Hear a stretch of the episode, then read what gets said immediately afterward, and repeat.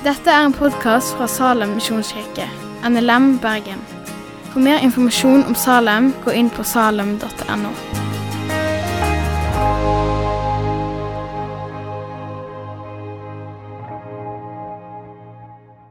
Står det i Bibelen at kvinner skal underordne seg menn? Ja eller nei? Det var en skoleelev som eh, snakka. Jeg hadde akkurat gjennomført en Grill en kristen på en videregående skole i Oslo, hvor også dette med Bibelens angivelige negative kvinnesyn hadde vært tema. Og Denne eleven var åpenbart ikke fornøyd med mitt svar. Altså, Grill en kristen høres kanskje litt skummelt ut, men det er faktisk ganske ok. Fordi jeg har ganske god kontroll. Uh, og blir spørsmålet blir det for varm temperatur, så kan vi si vi må gå videre til neste spørsmål. Vi har ikke mer tid til akkurat det spørsmålet nå. Men for denne jenta så var det ikke nok altså, med det svaret jeg hadde gitt i, uh, innafor uh, skoletimen. Så hun kom fram, hun ofra friminuttet sitt og hadde et spørsmål til meg. Står det i Bibelen at kvinner skal underordne seg menn? Og jeg husker at jeg tok den som jeg alltid pleier å ta, nemlig at Bibelen er jo veldig positiv i sitt kvinnesyn. egentlig. Uh, og brukte litt tid på å finne eksempler på dette. hvordan eh, når Jesus sto opp fra de døde, så var det kvinner som var oppstandelsesvitner. altså de som fikk lov til å fortelle om Jesu oppstandelse for første gang. Det var kvinner. Og dette var jo på en tid hvor kvinner ikke hadde eh, rett til å vitne i en rettssak osv. Men hun avbrøt meg. Står det i Bibelen at kvinner skal underordne seg sine menn? Prøvde meg på å si noe om, om Paulus, som, som riktignok sa noen, noen, ting som er vanskelig å forstå i dag. Men, men han, han, hadde også eh, kvinner og menn som samarbeidspartnere. Paul, eh, Akvilas og, og, eh, og Der har jeg glemt hennes navn. Det er jo ganske typisk. da. Priskilla. Når Paulus snakker om Paulus og Chris, Hun heter Priskilla når Paulus snakker om samarbeid med Priskilla og Akvila, så nevner han ofte Priskilla først. Det er jo et eksempel på at kanskje hun hadde enda mer å fare med enn det eh, mannen hennes Akvilas hadde i Korint. Men hun eh, var ikke fornøyd. Står det, eller står det ikke, i Bibelen at kvinner skal underordne seg sine menn? Velkommen til eh, nest siste tale igjen i serien eh, vi har her i Salem fra Efeserbrevet. Kristian Lilleheim kom til meg og sa at en av grunnene til at vi har valgt Efeserøvet, er nettopp den teksten du skal, eh, du skal, snakke om nå. Vi trenger jo litt sånn, eh, å, å, bli litt sånn pusha på de tekstene vi vanligvis ikke trekker fram. Og, og, og det er jo en kjempeanledning til å si noe om det som vi ikke snakker om hvis ikke vi må. Tor Erling, kan du ta den talen? Målet mitt med å snakke i dag det er faktisk da to ting. Jeg har lyst til å svare på Kristians forventning om å lese forsamlingen teksten når det gjelder eh, forholdet mellom mann og kvinne. Og jeg ønsker å svare den jenta som var så provosert av meg og min måte å svare på. Eh, hvis hun er eh, lur og hører på Salem sin podkast, så vil hun også få svar.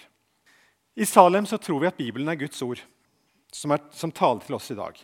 Vi tror at eh, vi ikke har frihet til å stryke det som ikke passer. Det har vi ikke. Vi tror på Bibelens autoritet, og vi tror at den er en rettesnor for våre liv i alt det som den uttaler seg om. Og så er det sånn at Når vi leser Bibelen, så er det av og til ting som er vanskelig å forstå. Og Da hjelper det å se på sammenhengen det er skrevet i, også hvilken sjanger teksten er. F.eks. er det en lovtekst fra Det gamle testamentet som var tydelig sagt inn i sin tid. For Israelsfolket som var på vandring i ørkenen, så er det ikke noe som er gyldig for oss i dag. Og så videre. Og så er det alltid sånn når vi har lest en bibeltekst, Det må jo være en grunn til at denne teksten er i denne bibelen som vi har fått overlevert. Så hva har denne teksten å si til meg i dag? Hvordan anvender vi det? Hvordan bruker vi det? Hvordan tar vi det innover oss? Før vi leser teksten for i dag, så skal vi be en bønn. Gode himmelske Far, vi ber om at du skal åpne Skriftene for oss, sånn at vi kan forstå ved din gode Hellige Ånd. Hjelp oss til å anvende ditt ord, til å leve det. Jesus, du er livgiver. Du setter oss fri til å tjene deg og hverandre. Hjelp oss til det. Amen.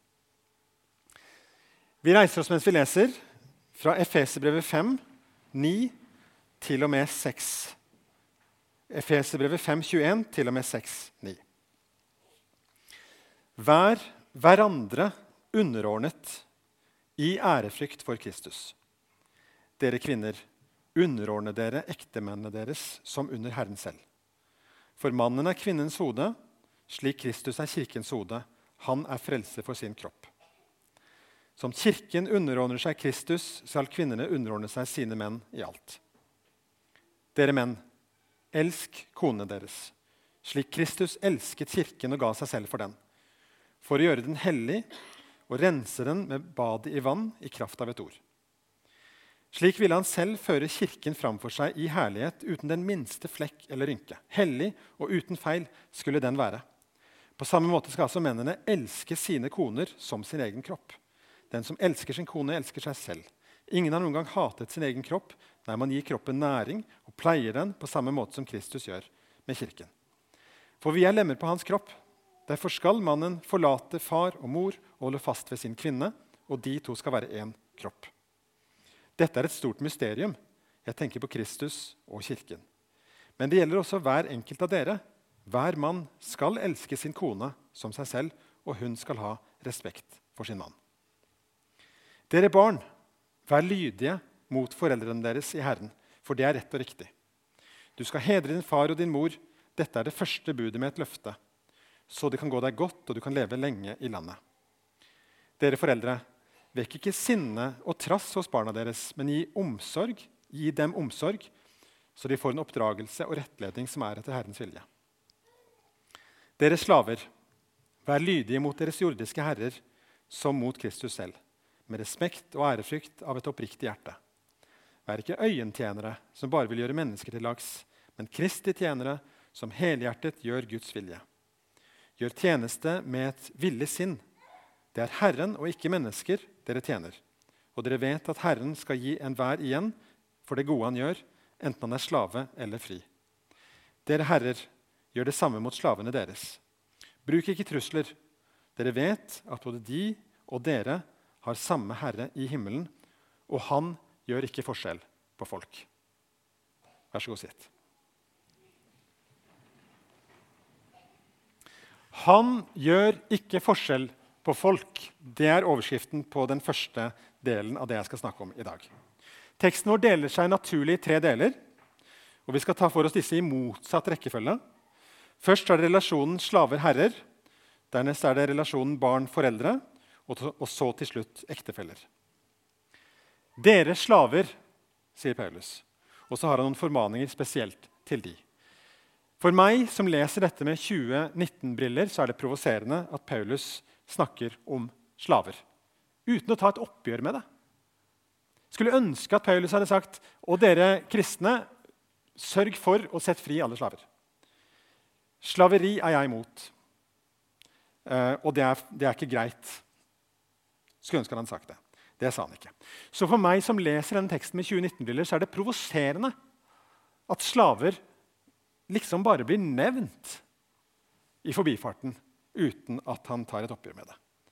Det sto på forsiden av Dagen for et par dager siden at åtte av ti kristne tror kampen mot moderne slaveri nytter. Så ennå i dag har vi slaver. 27 millioner er det anslått til i verden i dag. Menneskehandel, utnyttelse av mennesker. Og så snakker altså Paulus til slavene og sier bare 'dere slaver'. Hvordan kan det henge sammen? Ja, For det første må vi si at Det er ikke tvil om at kristne opp gjennom historien har brukt disse tekstene og andre til å legitimere en umenneskelig praksis om slavehold. Nokså langt opp til vår tid. Men når det er sagt, hvis vi tar av de moderne brillene og leser det slik det ble forstått første gang det ble lest, så var det faktisk oppsiktsvekkende at Paulus inkluderte slavene i det hele tatt i en slik tekst. Platon gjorde ikke det. Han snakka om samfunnsstrukturer, og slavene ble ikke nevnt engang. De var bare implisitt. Som du har maskiner på åkeren, og som du har møbler i huset, har du slaver. Det er ikke verdt å snakke om. Og slaver kunne man eh, på romertiden gjøre hva som helst med. Det er din eiendom. Du kan skifte ut en vegg, og du kan skifte ut en slave. Du kan straffe han eller henne. Du kan sende ham på gata. Du kan, eh, du kan tyrannisere over slaven din. Det er din frihet. Du kan ta livet av slaven din. Det er din frihet som slaveeier. Mens Paulus han snakker jo ikke sånn i det hele tatt. Og han snakker med dem som arbeidstagere og gir de gode råd til hvordan de kan på sin arbeidsplass gjøre sine oppgaver som kristne. For det som har skjedd i Efesus, er at mange slaver har blitt frelst. De har blitt tatt på alvor som mennesker som trenger frelse. Og de har tatt imot Jesus, og de er en del av en husholdning som nå altså tror på Jesus. Og så sier Paulus til de, dere slaver, hør. Dere arbeidstagere, hør. Slik skal du gjøre ditt arbeid. I Romerriket på Paulus' tid var det noen byer som hadde flere slaver enn frie. Dette var en enormt stor del av samfunnet. Kanskje vi kan sammenligne det i Norge med noen var husmenn. hadde husmannsplass. De hadde ikke råd til sin egen gård, men de hadde fått, en liten, eh, fått en liten åkerlapp sånn eh, midlertidig, nesten. Slaver hadde ikke stemmerett, var ikke regna for noe, men Paulus omtaler de med, som brødre og søstre. Han gir de formaninger om å være oppriktige, helhjerta. Akkurat som du og jeg som arbeidstakere skal være det. Tjen som om det er Jesus dere tjener. Så kanskje kan vi istedenfor å la oss provosere av at Paulus ikke tar et oppgjør med slaveriet, som vi skulle ønske oss at han gjorde, tenke at det er faktisk utrolig kult at slavene i denne teksten er regna med. Og på samme måte Når han da snakker til slaveeiere, så sier han bruk ikke trusler. Gjør arbeidshverdagen levelig for de som er ansatt hos deg. Gi hver enkelt igjen for det gode han gjør. Ikke, ikke herje med dem. Men hvis de gjør gode ting, så gi han igjen for det. Dere har den samme Herre i himmelen, sier Paulus. Og han gjør ikke forskjell på folk. Han gjør ikke forskjell på folk. Og det skal ikke du og jeg gjøre heller. Dette er radikale tanker i den tiden og radikale tanker i vår tid. Dette skal vi ta med oss som kristne. At Gud ikke gjør forskjell på folk. Det skal ikke vi heller gjøre. Så Vi kan gjerne stå i en parole og si 'lik lønn for likt arbeid'. Vi kan gjerne stå i en parole og si 'end'. Slutt på slaveriet. Folk som blir forskjellsbehandla, det står vi ikke for. I Galaterne 3,28 så står det her er ikke jøde eller greker, her er ikke slave eller fri, her er ikke mann og kvinne. Dere er alle en i Kristus Jesus. Dette her er radikalt. Tenk at det skrives av en jøde. Han som er Guds utvalgte folk, og som vet at vi er jo eiendomsfolket. Alle de andre er jo bare resten. Men det er ikke slik lenger. Ikke jøde, ikke greker. Ikke slave og fri. Er det ikke sånn lenger heller? Nei, slavene, som altså da ikke eier sin egen tilværelse, er regna som ett med de frie, sier Paulus i Galaterbrevet. Og menn og kvinner, dere er alle én i Kristus Jesus. Kvinner som som sagt da ikke hadde mulighet til å vitne i en rettssak osv., likestilles her med menn. Dette er nytt.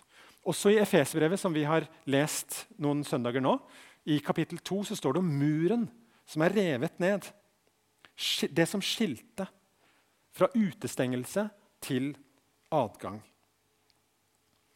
Så Det som vi i utgangspunktet leste som en litt sånn konservativ og kanskje litt sånn feig tekst av Paulus, den skal egentlig leses som en utrolig modig tekst.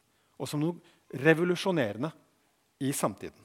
Og så vet vi også det, at Etter hvert så ble slaveriet i Romerriket oppløst innenfra. Slaver fikk flere og flere rettigheter, og mange ble satt fri. Kanskje som en konsekvens av at den kristne tro bredte om seg og etter hvert ble den dominerende religionen i Romerriket. Det var første avsnitt slaver. Og Når vi leser disse tekstene, som Luther kalte for hustavler, så er det jo dette med relasjoner det handler om. Relasjonene i et hus. Det står en helt lik nesten tekst i Kolossebrevet også. Og det står altså om disse, det er liksom storfamilien som er konteksten. hvor eh, fornemme kvinner og rike menn, barn, besteforeldre og tjenere eller slaver også hadde ektefeller og barn. Og Paulus sitt brev det skal leses opp for alle. Slavene er regna med. Derfor kan Paulus si 'dere slaver'. Barna er også regna med. Det er punkt to. Overskriften min for punkt to er 'gi dem omsorg'. Dere barn, vær lydige mot foreldrene deres. Og lest med 2019-briller så er det nesten sånn, litt sånn «Ah, Er ikke dette litt autoritært? Er ikke dette litt gammeldags? Trenger barn liksom å bli fortalt at du skal være lydig? Det er litt sånn pekefinger i det. Er det ikke det? Igjen så er det faktisk oppsiktsvekkende at Paulus sier 'dere barn'. Vi kunne jo sett for oss at han hadde sagt 'dere voksne, si til barna deres når dere er ferdig med samlingen' at Han sier ikke det. Så når dette brevet leses opp, så regner Paulus med at barna er der. De regnes med, akkurat som slavene. Det som en kan lese om Romerriket sin praksis når det gjelder barn, det er faktisk ganske drøyt. På samme måte som slaver så ble de betrakta som eiendom. De kunne settes til arbeid i lenker. De kunne avstraffes og avrettes av sine foreldre. Uønskede barn kunne settes ut på gata. Og Uten at vi skal sammenligne, så ser vi at noe av denne holdningen hadde disiplene. Når de ville vise bort foreldre som kom med barna sine for at Jesus skulle røre ved dem, hva ble Jesus da? Da ble Jesus sint. Da freste han. Og så sa han, 'La de små barna komme til meg, og hindre dem ikke, for Guds rike hører slike til.' Og En annen gang så sa han, 'Den som tar imot et slikt lite barn i mitt navn, han tar imot meg.' Paulus er på linje med dette her, så han regner barna med. Og Så sier han, 'Dere barn'. Vær lydige mot foreldrene deres i Herren. Og så vet vi jo da at Det er den nye familien han snakker til her. Det er det nye livet som tiltales her. Efeserbrevet del 1, sant, de tre første kapitlene, handler om frelsen vi har i Jesus. Efeserbrevet del 2 fra kapittel 3 og utover handler om det nye livet som vi skal leve nå som vi er blitt kristne. Å være lydig mot sine foreldre er noe godt. I hvert fall når det kommer i konteksten av foreldre som elsker sine barn, som vil barna sine det beste, og som mange ganger vet bedre enn barn fordi vi er myndige, og det er ikke de. Så selv om barna vil ha godteri sju ganger i uka og gjerne vil løpe fritt ut i bilveien, så vet foreldra bedre og gir barna gode regler. Og denne setningen 'vær lydig mot deres foreldre' fra Paulus sin hånd, den gir jo foreldre en myndighet til også å ha ulike regler. Det er ikke Paulus som gir reglene, han er jo barnløs sjøl. Men han gir foreldre og sier barn, vær lydige mot deres foreldre. Det er de som setter reglene. Så Noen kan spille data én time om dagen, noen kan spille data to timer om dagen. og det er greit. En av nabobarna våre som løp inn og ut av vårt hus, og sa at det er forskjellige regler i forskjellige hus. Og det oppdaget at i vår, i vår, sofa var det ikke lov å hoppe, mens i hennes sofa var det lov å hoppe i sofaen. Der var det helt greit. Sånn er det. Vær lydig mot deres foreldre, sier Paulus. Og så gir han en slags slingringsmonn. Og så står det 'vekk ikke sinnet hos barna deres'. I den 88-utgaven så står det 'dere fedre, vekk ikke sinnet hos barna deres'. Men har dere lagt merke til at i den nye oversettelsen står det brødre? Eh, så står det ikke brødre lenger, men det står søsken. Og i denne teksten står det 'dere foreldre'. Og Det er altså ikke en moderne tilsnikelse, men det er teksten sjøl og ordene sjøl som har dette inklusive i seg. Så det er en feiloversettelse å si 'brødre' i 88. Si 'søsken'. Og det er en feiloversettelse å si 'dere fedre'. Vekk ikke sinne og trass hos barna deres. Det er riktig å si 'dere foreldre'. Det er et inklusivt pronomen som er brukt der. Vekk ikke sinne og trass hos barna deres. Og Det tenker jeg også betyr at vi skal respektere deres grenser. At vi skal behandle de ulikt når det trengs. For noen barn er det noe som er provoserende og vekker trass. For andre barn er det noe annet som er provoserende og trass. Og det Paulus sier, er vekk ikke det sinne og det trasset hos barnet ditt. Og så er det også sånn at Vi erfarer at når barna blir eldre og kommer inn i, i tenåra, så er det faktisk noe annet som provoserer enn det som ikke provoserte før. Pappahumor for eksempel, fungerte kjempegreit inntil mine barn var sånn tolv. Og da var det bare 'pappa, Det er helt umulig, denne humoren din. Så da la jeg den av, og så har jeg oppdaga at nå når noen av de er i ferd med å passere ut av tenåra, så er pappahumoren ok igjen. Så da er, må man tenke litt sånn også. Ja, men man må jo det. Man må respektere at når barna har med seg besøk hjem, så skal ikke jeg være en idiot som bare Skal ikke det, sier Paulus. Vekk ikke sinne og trass hos barna deres. Framfor alt, gi dem omsorg. Fantastisk, altså. Og en enorm kontrast til det jeg sa i stad om Sett dem på gata hvis du Og så videre. Og dette er faktisk utrolig stilig, det jeg skal si nå.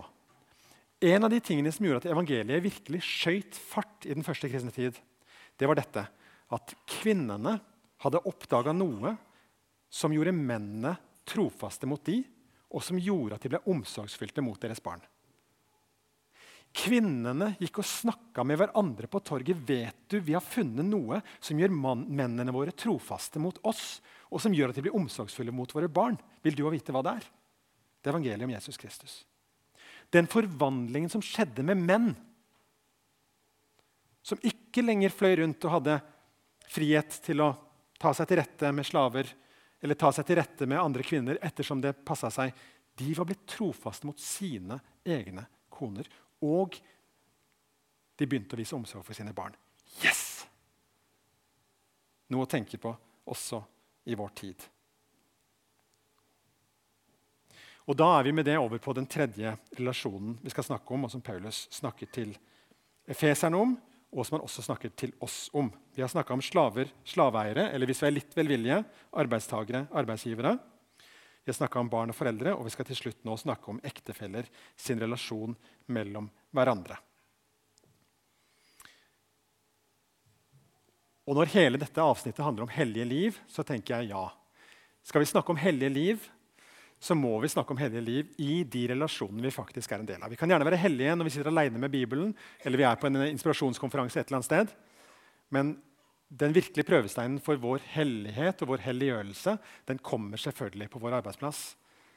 I vår relasjon til våre barn og i våre relasjoner til våre ektefeller. Og så er det en ting til jeg vil si generelt før jeg sier noe mer nå.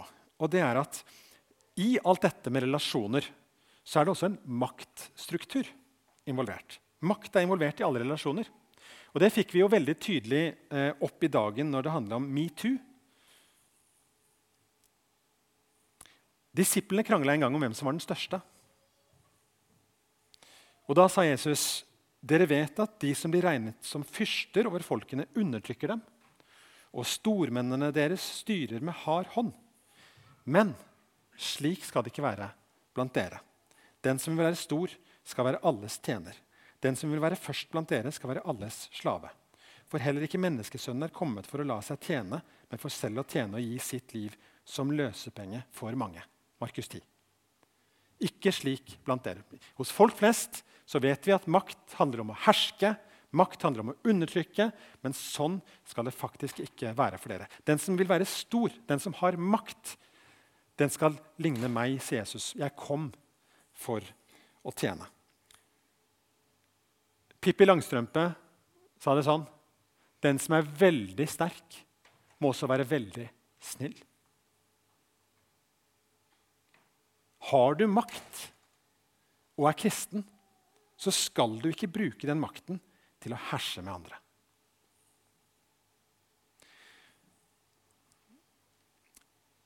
Hvis du ser det store bildet da, av Gud, så er det ingen som har hatt så mye makt som han. Den allmektige Gud. Den allmektige Gud skal gjøre noe med synda på jorda. Hva velger han å gjøre? Med sin allmakt, med sine muskler, med, sine store styrke, med sin store styrke.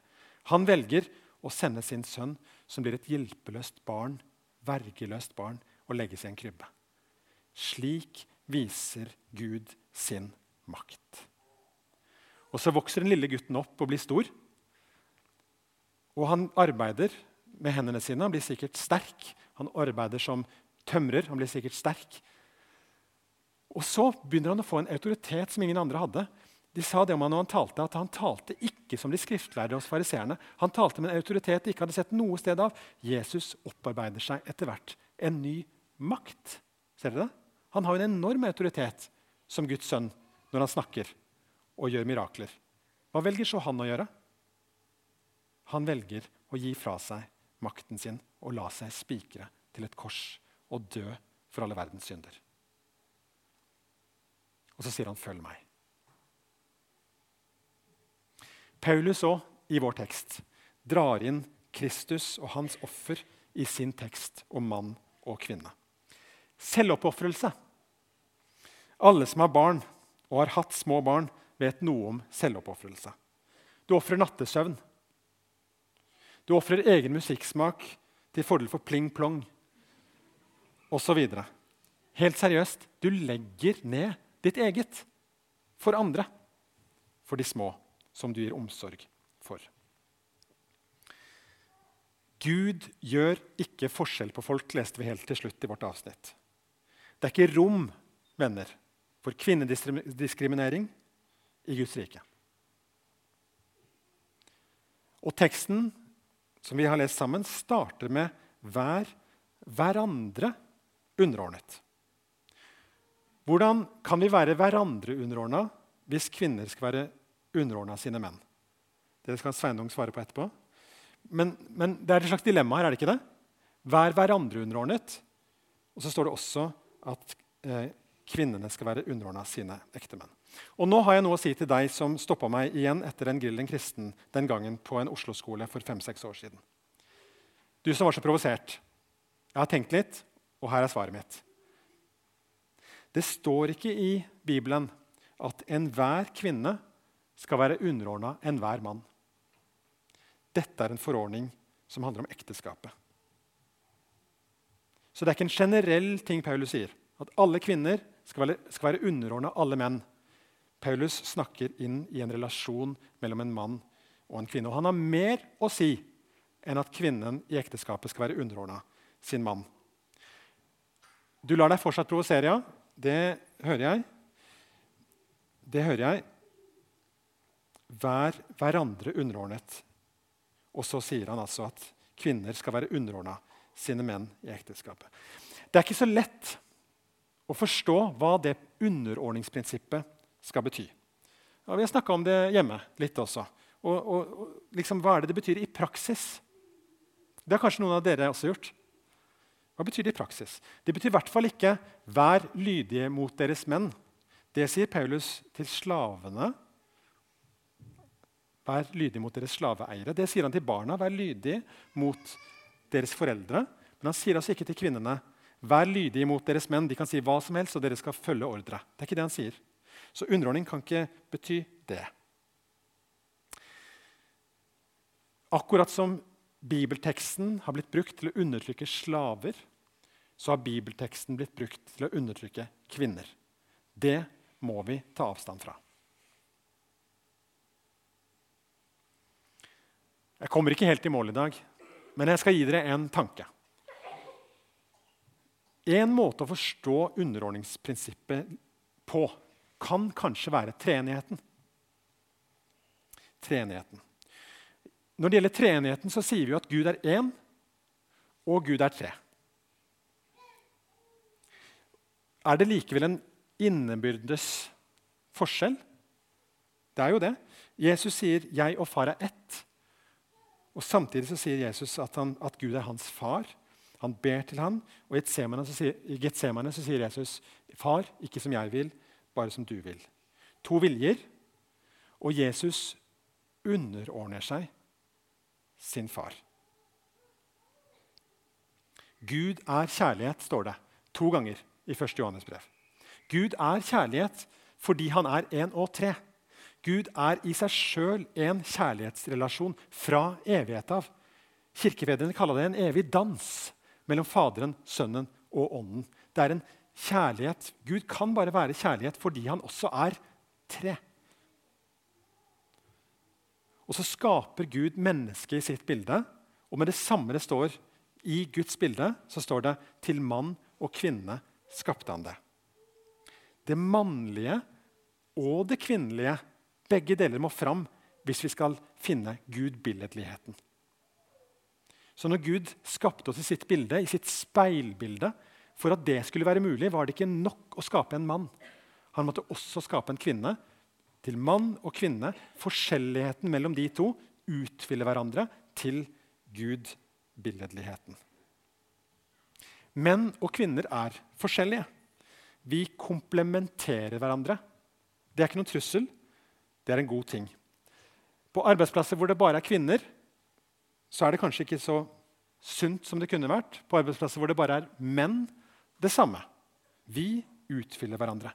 Vi trenger flere menn i barnehager og skoler. Vi trenger flere kvinner i styrer og i lederstillinger.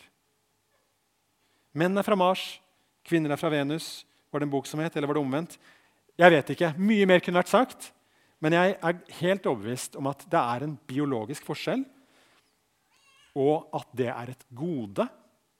Og at i en idealsituasjon så har barn en pappa og en mamma som kan vise omsorg på ulike måter. Også at det er en ordning, betyr ikke at en av partene er nedvurdert, annenrangs eller kan herses med. Jeg synes Det blir veldig tydelig av teksten sjøl når Paulus sier dere menn, elsk konene deres slik Kristus elsket kirken og ga seg selv for den. Og så tenker jeg det må være lov å si dele begge veier. Dere kvinner, dere skal respektere deres mann.